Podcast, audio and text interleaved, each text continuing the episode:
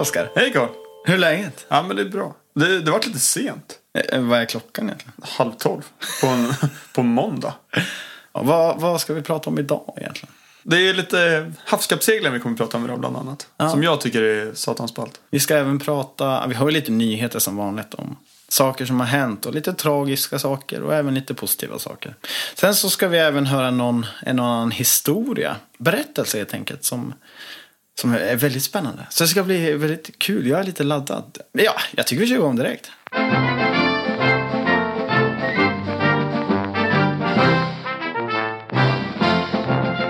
Den här veckan så är vi ju återigen sponsrade av Moringo. Moringo! Med två O, M-O-O, ringo.com. Ja. Eller appen, M-O-O Ringo, Moringo. ja, enkelt. Och det är fett för de har ju... Vi fick ett mail häromdagen. De har ju nu 2000 användare på appen. Och det är egentligen det det bygger på användare. För att ju fler som är beredda att hyra ut sin båtplats desto fler båtplatser finns det att hyra. Så det är det här som är fett. Så gå in och bli medlemmar. Alltså om ni inte har varit med de senaste avsnitten så är det alltså en tjänst som hjälper på något sätt dig och din eh, hemmaklubb eller din hamn. Du kanske har en privat hamn eller så är du med i en klubb. Det hjälper i alla fall er att hyra ut den här platsen. Och, och det är ju som Oskar säger att man behöver vara, det är ju vi som gör tjänsten tillsammans. Det är så enkelt det är liksom. Och så vi uppmanar er som lyssnar nu att ladda ner appen och testa. Och Ja, för nu, nu händer grejer och man behöver till och med inte ens vara i Sverige längre. Utan det är så här att nu har de till och med lanserat på, nu ska vi se, alla engelsktalande länder söder om ekvatorn. Och det är tre stycken va? Det är alltså Nya Zeeland, Australien och Sydafrika. Om man går in på appen så kan man hitta i massor av länder. Vi pratade om den, det var ju till och med Färöarna och i Florida fanns någon. Och, ja, det finns mycket som helst, men i alla fall framförallt här i Sverige. Så gå in och så gör vi det här ihop. Då kommer det bli hur bra som helst.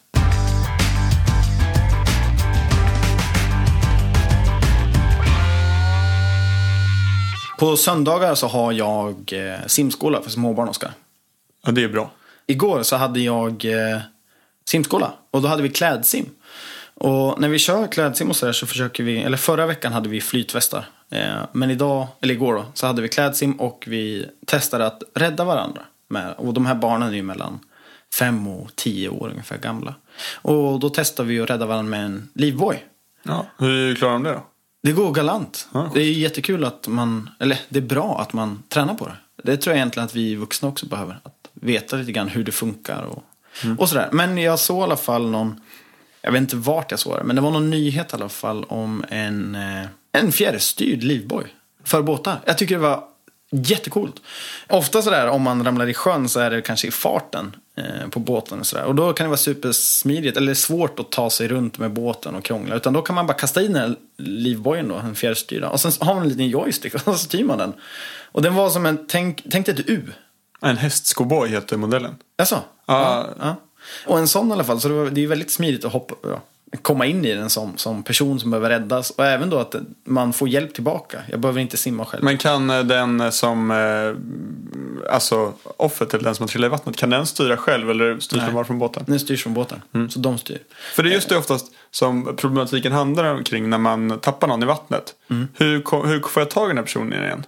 Alltså jag tänker att det oftast sker när det är lite dåligt väder. Eller det är då det är problem att få tag i någon igen. Och så kanske du, om du har en segelbåt eller en stor motorbåt.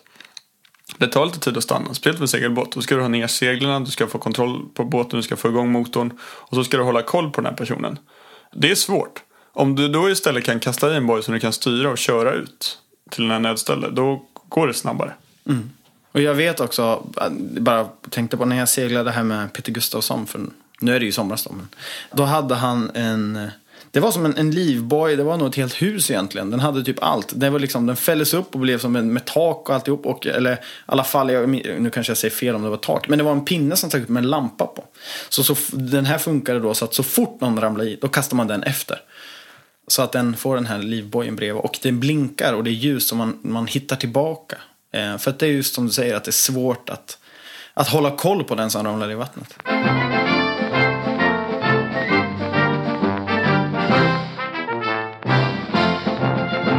2014 så eh, annars det en namntävling för ett nytt forskningsfartyg som skulle byggas.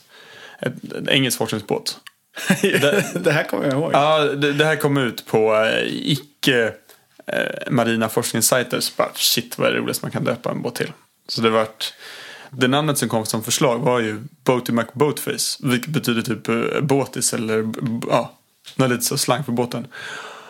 Och Det är ju extremt, extremt roligt namn. Ja. Bo- Boaty McBoatface. Ja. Och det vann. 2000 röster. Så de här, de här superseriösa polarforskarna de kliar sig rätt mycket i huvudet. Så bara, mm, vad ska vi göra nu? Det här, kan, det här är för töntigt. Vi ska hålla på med polarforskning och vi ska fan rädda världen. Nu kan vi inte komma med Boaty McBoatface, save the world. Det blir inga bra rubriker. Det, det här är när internet trollar på sitt bästa vis. Ja, det är skitkul. Eh, men det man, har gjort, man har börjat bygga den här båten nu i alla fall. Den blir 125 meter lång och är ett, det blir ett as till forskningsstation. Men båten är döpt till eh, Sir David Attenborough. Lite mera eh, passande. Det låter ju väldigt fint. Ja, men eh, man har döpt en av de här små alltså, forskningsubåtarna som man har ombord till Boaty McBoatface. Så att eh, namnet kommer ändå med. Det gillar jag. Jag är ändå lite besviken på att de inte tog det här namnet som vann. Det hade varit väldigt, väldigt kul. Men vad hette den sa du? Eh, den, den döptes till eh, Royal Research Vessel eh, Sir David Attenborough. Är det, det korrekta? Jag, jag gillar ju Boaty McBoatface. jag tänkte att vi skulle prata om en sak, Oskar, som du har lite mer koll på. Men som jag, jag, har, jag har läst en del om det. Och det är lite passande eftersom vi pratade med Martin Strömberg för några veckor sedan här nu. Och eh, Martin seglar ju Volvo Ocean Race. Och nu är det ju så att de har gjort om reglerna för hur man kan vara som besättning på, på de här båtarna. Idag så är det ju ofta väldigt mansdominerat. Man är sju stycken på varje båt, eller hur? Eller har jag fel? Ja, ja, sju. Men vad är det de har gjort om för regler? Förra året så var det så att reglerna var att man fick vara elva kvinnor. Men det fanns egentligen ingen, ingenting för att mixa de här. De pratade om tidigare båtarna. Att de var så oerhört fysiska så att det var svårt för kvinnor att vara med. Säger de. För de sa att de här stora grabbarna som väger typ 105-110 kilo. Att, alltså de hade tufft att stå på båten rent fysiskt. stod och styrde. För vågorna som sköljde över liksom spolade bort dem. Eh, vill man var helt slut efter varje pass. Men det vi har gjort nu, det är att se till så att antingen som vanligt kan det vara sju killar. Eller så kan det vara sju killar och så kan det vara en eller två tjejer till. Eh, eller så kan det vara sju tjejer så kan du lägga till en eller två killar. Eller fem plus fem. Eller bara en, en ren besättning på elva tjejer. Och det här är ju superkul för att det behövs ökad mångfald inom seglingsvärlden. Det är för mycket snubbar. Och det här tillåter, eller gör det möjligt att fler tjejer får komma in. Ja, det här gör ju egentligen att det blir en fördel att vara 50-50. Alltså vara Ja. fe- fem tjejer och fem killar. För då får du ju fler, ja, men fler, fler folk på båten. Vilket gör att man kan sova längre mellan skiften. Du kanske får kortare skift. Eh, och så vidare. Så det är väl en fördel, eller? Ja, ja verkligen. Och eh, alltså att man kan styra så man... Det är inte så att de behöver vara hela besättningen. Eller samma besättning på alla race. De kan ändra mellan de olika benen som är lite olika. Och sen är det så att motsvarande båtar, om man tävlar med dem så här dagsrace bara. Då kanske man är 20 personer på en sån här båt. Och bara då vara sju stycken. Det är ganska stor skillnad. Så det här är egentligen det vi säger är att det är jättekul att vi ser initiativ och eh, äntligen ska vi säga, det har väl behövts ett tag, men just lite regeländringar i Volvo Ocean Race som gör och förespråkar det här med mångfald. Det tycker vi är väldigt, väldigt bra.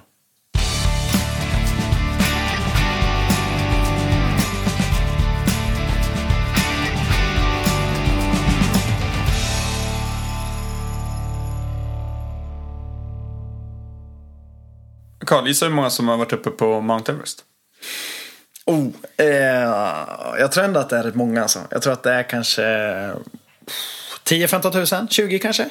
Ja, 5 000. Men det är fair, det är ändå många. Det är så att man börjar problem med nedskräpningar och att man... Folk står i kö för att få kliva upp på toppen liksom. Samtidigt som folk dör där uppe. Så det är supermärkligt. Men eh, hur många har seglat ensamma runt jorden? Nonstop? Och det här har jag för sig läst någon gång. Men det är kanske... Det är, det är under tusen. Det kanske är... äh, Kan det vara 500 kanske? Ja, typ 200. Ja. Vilket är alltså en spottstyvel som visar att det är sjukt mycket mer extremt att eh, segla jorden runt ensam. eh, Utan assistans. Än att, se, än att klättra upp för Mount Everest. Ja, precis. Det är liksom någonstans en större bedrift. Och nu, den eh, 6 november, då går starten för en kappsegling som heter Vendée Globe. Det ska uttalas på franska, så jag säger säkert fel. Men då startar Alltså man inte round the globe utan... Vendée Globe på franska. Okej, ja. Eh, och eh, då startar man uppe i Frankrike och sen seglar man söderut över Atlanten. Rundar, först går Dobbsudden, sen Nere vid Sydafrika. Ja, precis. Sen Cape Lewin, alltså eh, Australien. Och sen Kap Horn för att sedan bara sprinta upp till, ja, tillbaks till Frankrike. Och det här eh, vanns förra året eh, och då tog han 79 dygn för han som vann. Det är ju jättesnabbt. Det är ett snabbt. Men, 79 dygn. ja, Det är ingenting. nej. Det är ganska snabbt. Alltså båtarna är helt i kolfiber. Är typ lika bekväma som en kaffekopp. Har knappt toalett ombord. De har liksom en navigationsdator och segel ombord. Och en watermaker och sen så kör de. Och de sover typ så här 20 minuter, vaknar 45 minuter. Sover 20 minuter, är vakna 45 minuter. Så att han sa det att han som vann det tog ungefär ett år för, för honom att återhämta sig från den här seglingen. Eh, och de flesta håller på i kanske runt 100 dygn. Det är 30 båtar som är med.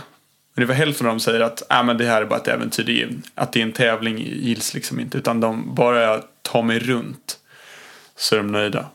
För det är många båtar som, eh, som inte tar sig runt. Det är, de tappar kölen, masten går av, elektronik går sönder. Och det är massor man ser. Så här, folks autopilot går sönder. Och det går inte att segla jorden runt själv utan autopilot. Det är en sjukt ball tävling. Och alltså det är riktigt, riktigt fett. Så det här kan jag rekommendera att ni kollar in. Vart kollar man in? Ja men det är googla. Det kommer komma upp massa på YouTube. Vi kommer länka lite också. Men sen, det som det började här med, det var en, eh, en tävling som heter Sunday Times Golden Globe Race. Som gick, startade 68 och den gick i mål 69. Men jag, må, jag måste bara fråga en sak. Finns det någon, du får fortsätta snart, men finns det någon skärm eller finns det någon som gör det här att man åker, inte seglar runt jorden men att man åker motorbåt runt jorden? Alltså jag tänker mig att det vore svindyrt. Ja men man håller på med lite sådana försök att göra med alltså, solcellsdrivna båtar. För att, som miljöjippon. Och sen så finns det väl kanske snabbast mellan punkter. Men det är inget som jag kan så rakt av. Men jag vet att det har gjorts så här, alltså man har haft obemannade solcellsdrivna båtar som har gjort typ samma rutt. För att bara visa att det går. Okej. Ja, men då, förlåt. Nu. Men i alla fall, det började här med sent 60-tal då. The Sunday Times Golden Globe Race. Och då, den enda som gick i mål av de eh, 11 som startade. Det var Robin Knox Johnston, heter han, en britt. Och det tog honom 312 dygn. Men det är ju typ ett år. Det är typ ett år, det är helt sjukt. Och, och inte träffa en människa. Eller vad är det? Det är tio månader. Ja, satans länge.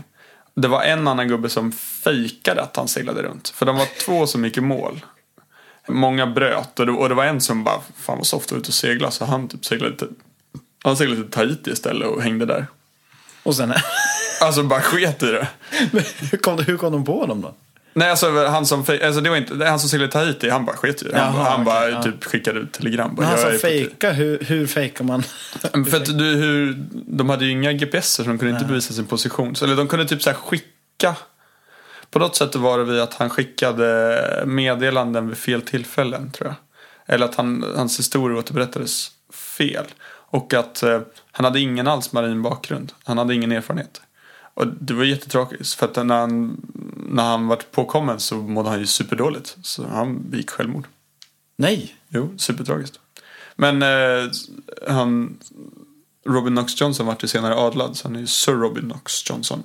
Han, eh, Vilket, när pratar vi? Vilket år? 1968, Ja. 69. Han är ju fortfarande aktiv och han skriver för eh, Yachting World. Och är liksom, har gjort ett par till kappseglingar runt jorden. I modern tid. Han har seglat tror jag på under 90 dygn på någon trimmar an så här. Så det går fort. Oj. Så ball jävla gubbe. Ja, verkligen. Och bara, nej men shit vi kör. Eh, han hade en, båten var typ 9,8 meter lång. Det var ju ett jävla äventyr liksom. Det var ju så jag seglade Atlanten med. Ja precis. Tänkte sitta och guppa på den jäveln själv. Och bara, Själv i 300 dagar. Ja. Plus, nej, nej, men jag, det är ju bara att köra ner Atlanten, sen svänger man vänster. Tills man kommer till liksom, ja. Kap Horn och så, nej, men då svänger man vänster igen upp. Sikta på England. Ja, det, det är väldigt äventyr. Kan jag tänka mig. Ja, men det är eh, märkliga människor som man gör ännu märkligare grejer. Ja.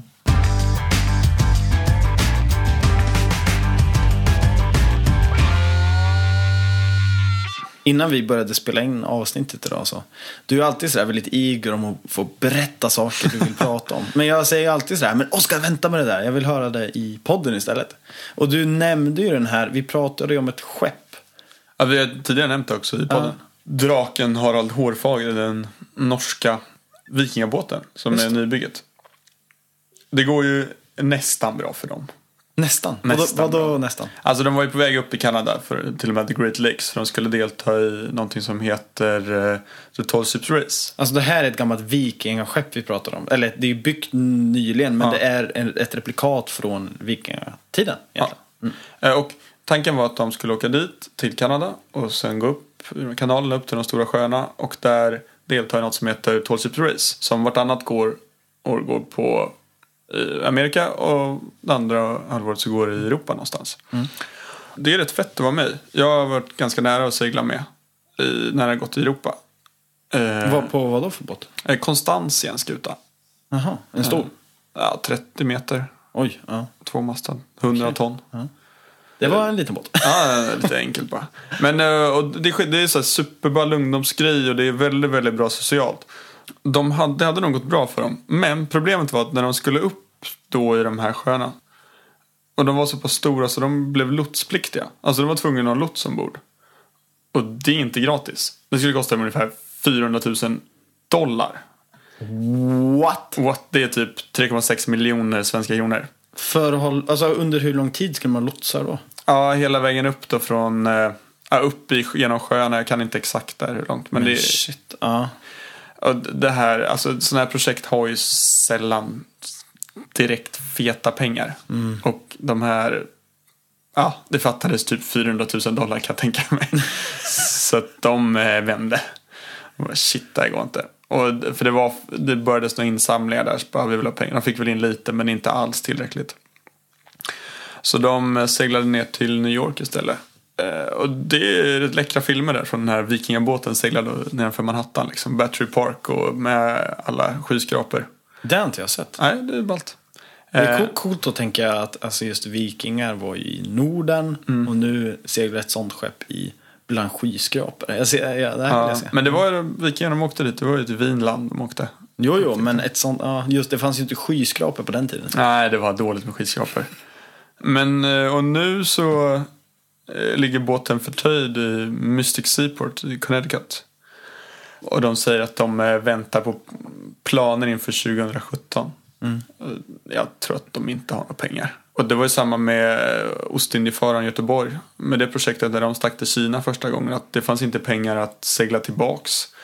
Så det fanns vissa planer på att sälja henne på plats. Och jag vet många andra, alltså när man har byggt såna här repliker av skutor och försöka få någon typ av ekonomi i det är, det är skitsvårt tyvärr. Men det finns någon typ av intresse, så att ja men det här är ballt. Och så bara, ja, vill du vara med och betala? Nej. Men man vill vara med och segla lite och sen få lite ungdomarjobb. Och det, det är kul. Men det är mycket folk som, ja, det finns stora drömmar. Men inget Ja, kapital. och det, men jag gillar ju det där. Alltså, drömmar är ju på något sätt till för att uppfyllas. Eller? Ja, ja verkligen. Alltså det är ju svinfett. Fatta att de har byggt ett, i de här Harald, Hårfagre. De har byggt ett replika av en vikingaskepp, seglat över Atlanten med den. Ja. Alltså det är ju bara där Ja, är hatten helt- av. Men samtidigt så är man, om man, nu går jag, tar jag en parallell till mindre drömmar då. Alltså jag reflekterar bara till mig själv att, alltså min pappa, eller nu sa han väl aldrig det uttryckligen, men jag, jag, jag har ju förstått att han tyckte jag var lite dum i huvudet som skulle segla över Atlanten utan att, jag var ju ingen liksom, jag hade ju semesterseglat men jag var ju inget proffs. Jag var ju långt ifrån ett proffs på att segla. Men det var ändå en, en dröm någonstans att, ja men, det, det här vill jag göra. Och det, och antingen, det är svårt att göra det kanske när man har skaffat barn och sånt där. Då är det kanske lättare när man blir pensionär. Men för mig var det så perfekt i att jag var väldigt less på skolan och lätt att ta ett sabbatsår. Liksom.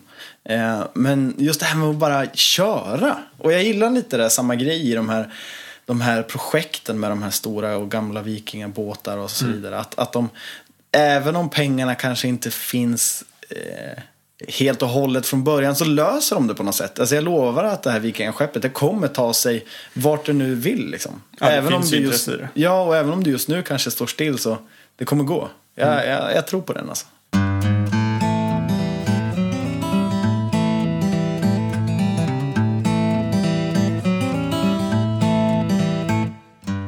Hallå ja, Joakim heter jag.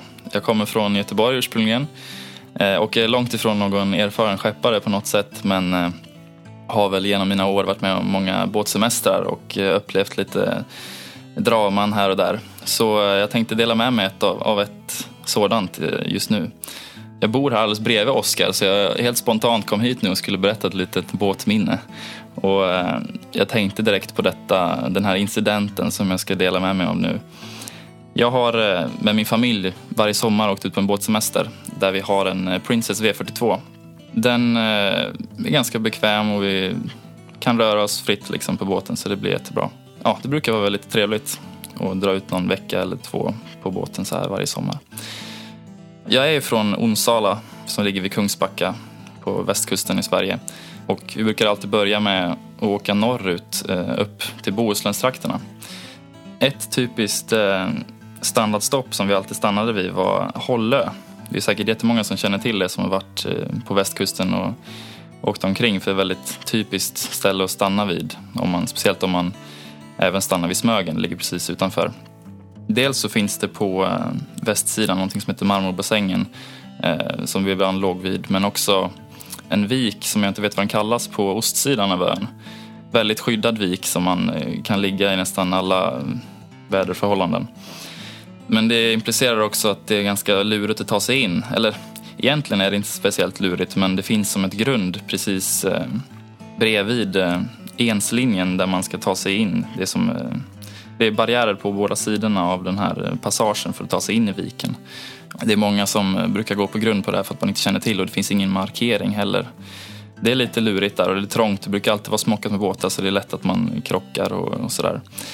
Där är typiskt bra vik och liggen för familjer. Det är oftast många familjebåtar som eh, har det bra i bra väder, lek och stoj och det finns bra badplatser och sådär. Och en sommar då när vi skulle lägga till på Hållö, tre båtar, så var det ett nytt sällskap, en, en ny familj som vi hade gemensamma vänner med då som, skulle, som hakade på. Så vi var tre, tre familjer på tre båtar då, en var. Eh, och den här eh, familjen hade precis köpt en ny båt. Jag tror det var en Windy, 42, eller Windy 32 eller någonting sånt där. Och de hade aldrig eh, åkt båt riktigt så förut. Så var oerfarna på sjön. Men tänkte att, tyckte, hade hört att det låt, lät jättetrevligt att vara ute på båtsemester så de skulle hänga på sina vänner då. Så vi gick in där i viken och allting gick bra. Vi la till och det var liksom ganska bra väderförhållanden just då tror jag så det var inga problem. Men eh, när vi legat där några dagar och skulle åka vidare så började det bli lite kaos. Först så gick den första båten i vårt sällskap ut, vilket gick bra. Inget, eh, inga konstigheter. Och den här familjen med den här eh, Windin eh, låg ganska långt in i viket så det var, och det är lite trångt att gå ut där när man ligger längst in. Man får oftast liksom trycka på varandra och ja, ta det lugnt ut då. Mannen som styrde då i familjen eh, hade ju inte riktigt kontroll. Han hade ju inte liksom, någon erfarenhet av att styra båt överhuvudtaget verkade det som. Så han började backa ganska hastigt. Jag var inte riktigt eh, så närvarande i situationen just då men började liksom förstå när folk blev högljudda. Du vet, det kan bli så här lite stressigt. Eh, folk börjar ropa och skrika och man inser att något är fel. Och såg att eh, de hade backat rakt in i någon ank någons ankarlina. Jag tror det var en segelbåt som låg eh, längs eh, en klipphäll. Winden hade då backat in i ankarlinan och propellern hade snurrat in sig så att ankarlinan hade gått av och eh, ankaret hade sjunkit till botten. Det var inte så djupt. Det, var kanske, det är kanske 3-4 meter där bara så det är inget problem att, ja, att lösa situationen. Och inte heller den här båten som låg längs en klipphäll med fendrar var ju ganska säkrad så det var inga problem. Men de här, den här mannen och den här familjen som inte var vana vid situationen blev ju jättestressade. Och det kan ju lätt uppstå en sån stressig situation när det blir så här men de, blev, de spårade ut totalt. Han hoppade i med cyklop och allting. Dök ner till botten och tog tag i det här ankaret och skulle då ja, simma upp med det bara. Kunde väl ha vägt 14 kilo eller något sånt där bara. Det gick ju inget bra. Så eh, han kom ju upp där och insåg sen efter att ha kämpat lite grann att det var ju värdelöst. Så eh, han gav ju upp och började istället eh, försöka snurra upp eh, ankarlinan på propellen. Eh, grejen var att eh, motorn var fortfarande på och frugan på den här båten började liksom närma sig gasreglagen.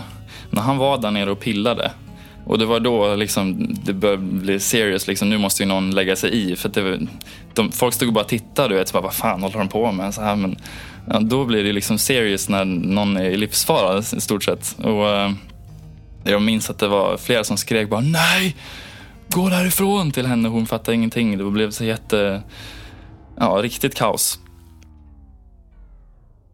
Men eh, som tur var så rörde hon ingenting där på eh, kontrollerna utan hon avlägsnade sig från det och eh, man fick upp honom. Man stängde av motorerna och eh, allt löstes tryggt som tur var. Men jag minns det ju som en riktigt panikartad situation och eh, det gjorde säkert de också för att de följde inte med eh, nästföljande år. de uppskattade nog inte riktigt eh, det här båtlivet på samma sätt som man kan göra om man får en första bra år kanske.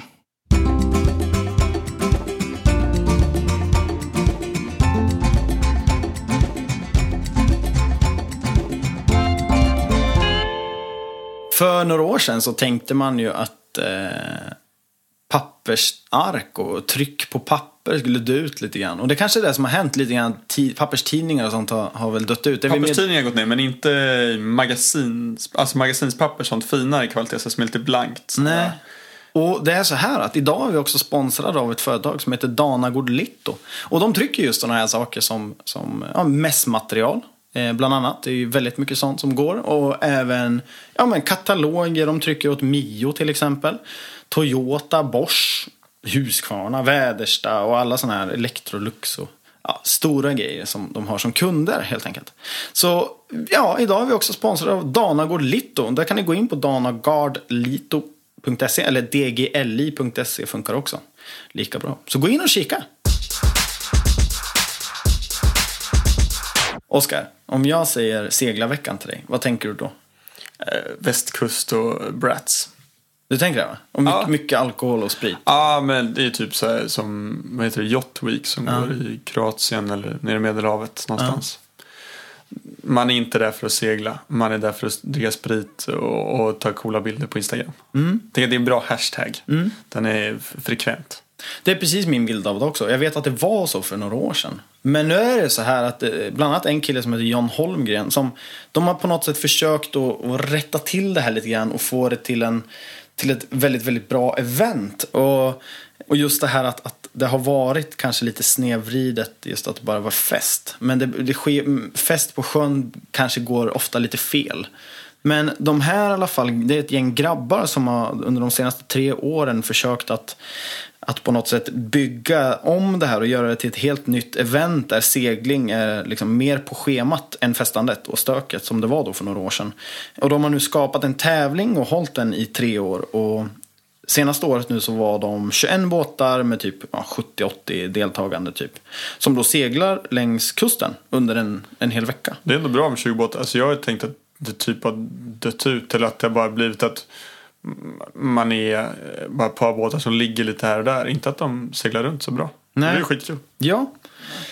Och det som jag fastnar lite för när jag, när jag pratar med honom här nu är att Alltså, det, jag frågade också lite hur man anmäler sig till det här och de gör något event på Facebook eh, och typ, jag tror de brukar kalla det Klubb 29. Eller sånt där. Klubb. Ja, men det går i vecka 29. Ja, just så är det. Det är därför de heter det. Ja. Eh, och då anmäler man sig eh, alltså bara genom att mejla dem egentligen. Och de har ju gjort det gratis i massa år. Och de kanske skulle ta en liten summa nästa år för att göra lite, lite mer så grejer runt om. Men det som jag tycker är så himla kul är att de, de kör ju segling. Och ofta, de har inte haft någon budget. Så de har haft en segelbåt, eller en av deras båtar då, som, som startbåt. Alltså då sätter man ofta en linje mellan en landmarkering eller en boj och sen den här båten och där går starten. Och sen startar alla samtidigt. Men den här båten vill ju vara med och segla. Så de kör efter. Och sen får de ta bort den tiden helt enkelt. Och målgången sköts bara via Snapchat. För på, Sna- på Snapchat så kan man ha så här att den, man tar en bild. Och den kan bara visa, då ser man tiden. Om man väljer ett sånt filter. Så det är egentligen att man då går i mål med en sån där Så Snapchat. pass enkelt. Mm, väldigt, väldigt enkelt. Men det de har på något sätt gjort också är att de, de har på kvällarna har de aktiviteter och de har då typ fotboll, krabbfiske, brännboll, volleyboll, kubb och sådana här saker. Och där man då får med sig poäng till dagen efter när det är en tävling. Och det här är något, något jag är väldigt sugen på i alla fall. Jag tror det kan vara väldigt kul. Jag har fått en, en video vi kommer dela. En after movie som det kallas. Men det ser väldigt, väldigt trevligt ut. Och jag tror att om man är kanske ett gäng vänner så tror jag att det kan bli hur kul som helst. Det, det är liksom ett mer evenemang där man liksom spelar kubb och har det trevligt och seglar. Och... Så det är ju något jag rekommenderar. Och framförallt då för det här är ju unga människor. Jag skulle chansa på att de är mellan 20 och 30 år ungefär. Och, och det här är skitkul för att ofta när det är kappsegling då blir det så här supermycket regeldiskussioner och Ja, men får du verkligen göra sådär och eh, är det där en tillåten segelkombination? Det finns mycket regler och det är en ganska tung regelbok och så ja men skulle jag lämna plats där eller var det lovart väjer och styrbord eller var det babord? Hur var det där? Fick jag, skulle de ha plats mot ja, plats för land? Eller Det blir liknande? väldiga diskussioner. Så. men om man istället bara, nej men kör hit och sen så bara, du var skitbra på kubb, du får tre extra poäng. Alltså man bara bryter ju helt mot den här stagnerade seglingsvärlden som är så jävla regelfixerade. Ja. Det gillar jag. ja, men jag håller med. Alltså, Först i mål. Ja. Klar för det gå. Sen hoppas jag att det kan, man kanske har lite koll så man inte krockar. Och, och Ja så. men fan det är krocka det får man inte göra. Då är det minuspoäng eller straffrunda eller så här, kölhållning. Eller att man får betala reparationerna på den andra båten. Ja, kan man det också. Så bara, åh nej.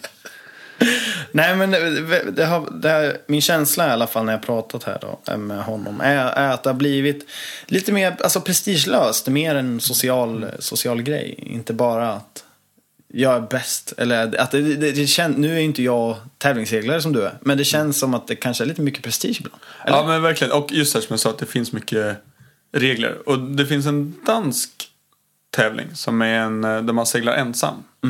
Som heter Silverrodret eller Silverrudret som det talar på danska.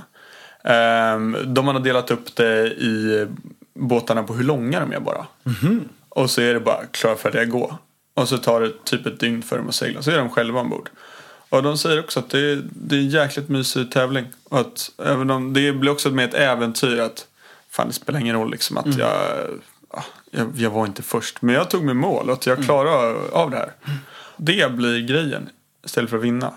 Och att det då inte blir så här, ah men shit jag har ju bytt ut nu här. Jag har köpt en lite mindre spinacker som jag sätter fallet längre ner för att lura regeln eller så här mäta. Då skiter man i det och så bara, "Ah, men min båt är sju meter lång. Punkt. Så det, det här är något jag rekommenderar att gå in och kolla på i alla fall. Klubb 29 på Facebook förstår jag det som. Och sen ja, seglarveckan helt enkelt. Vi slänger upp en länk. Ja, det gör vi.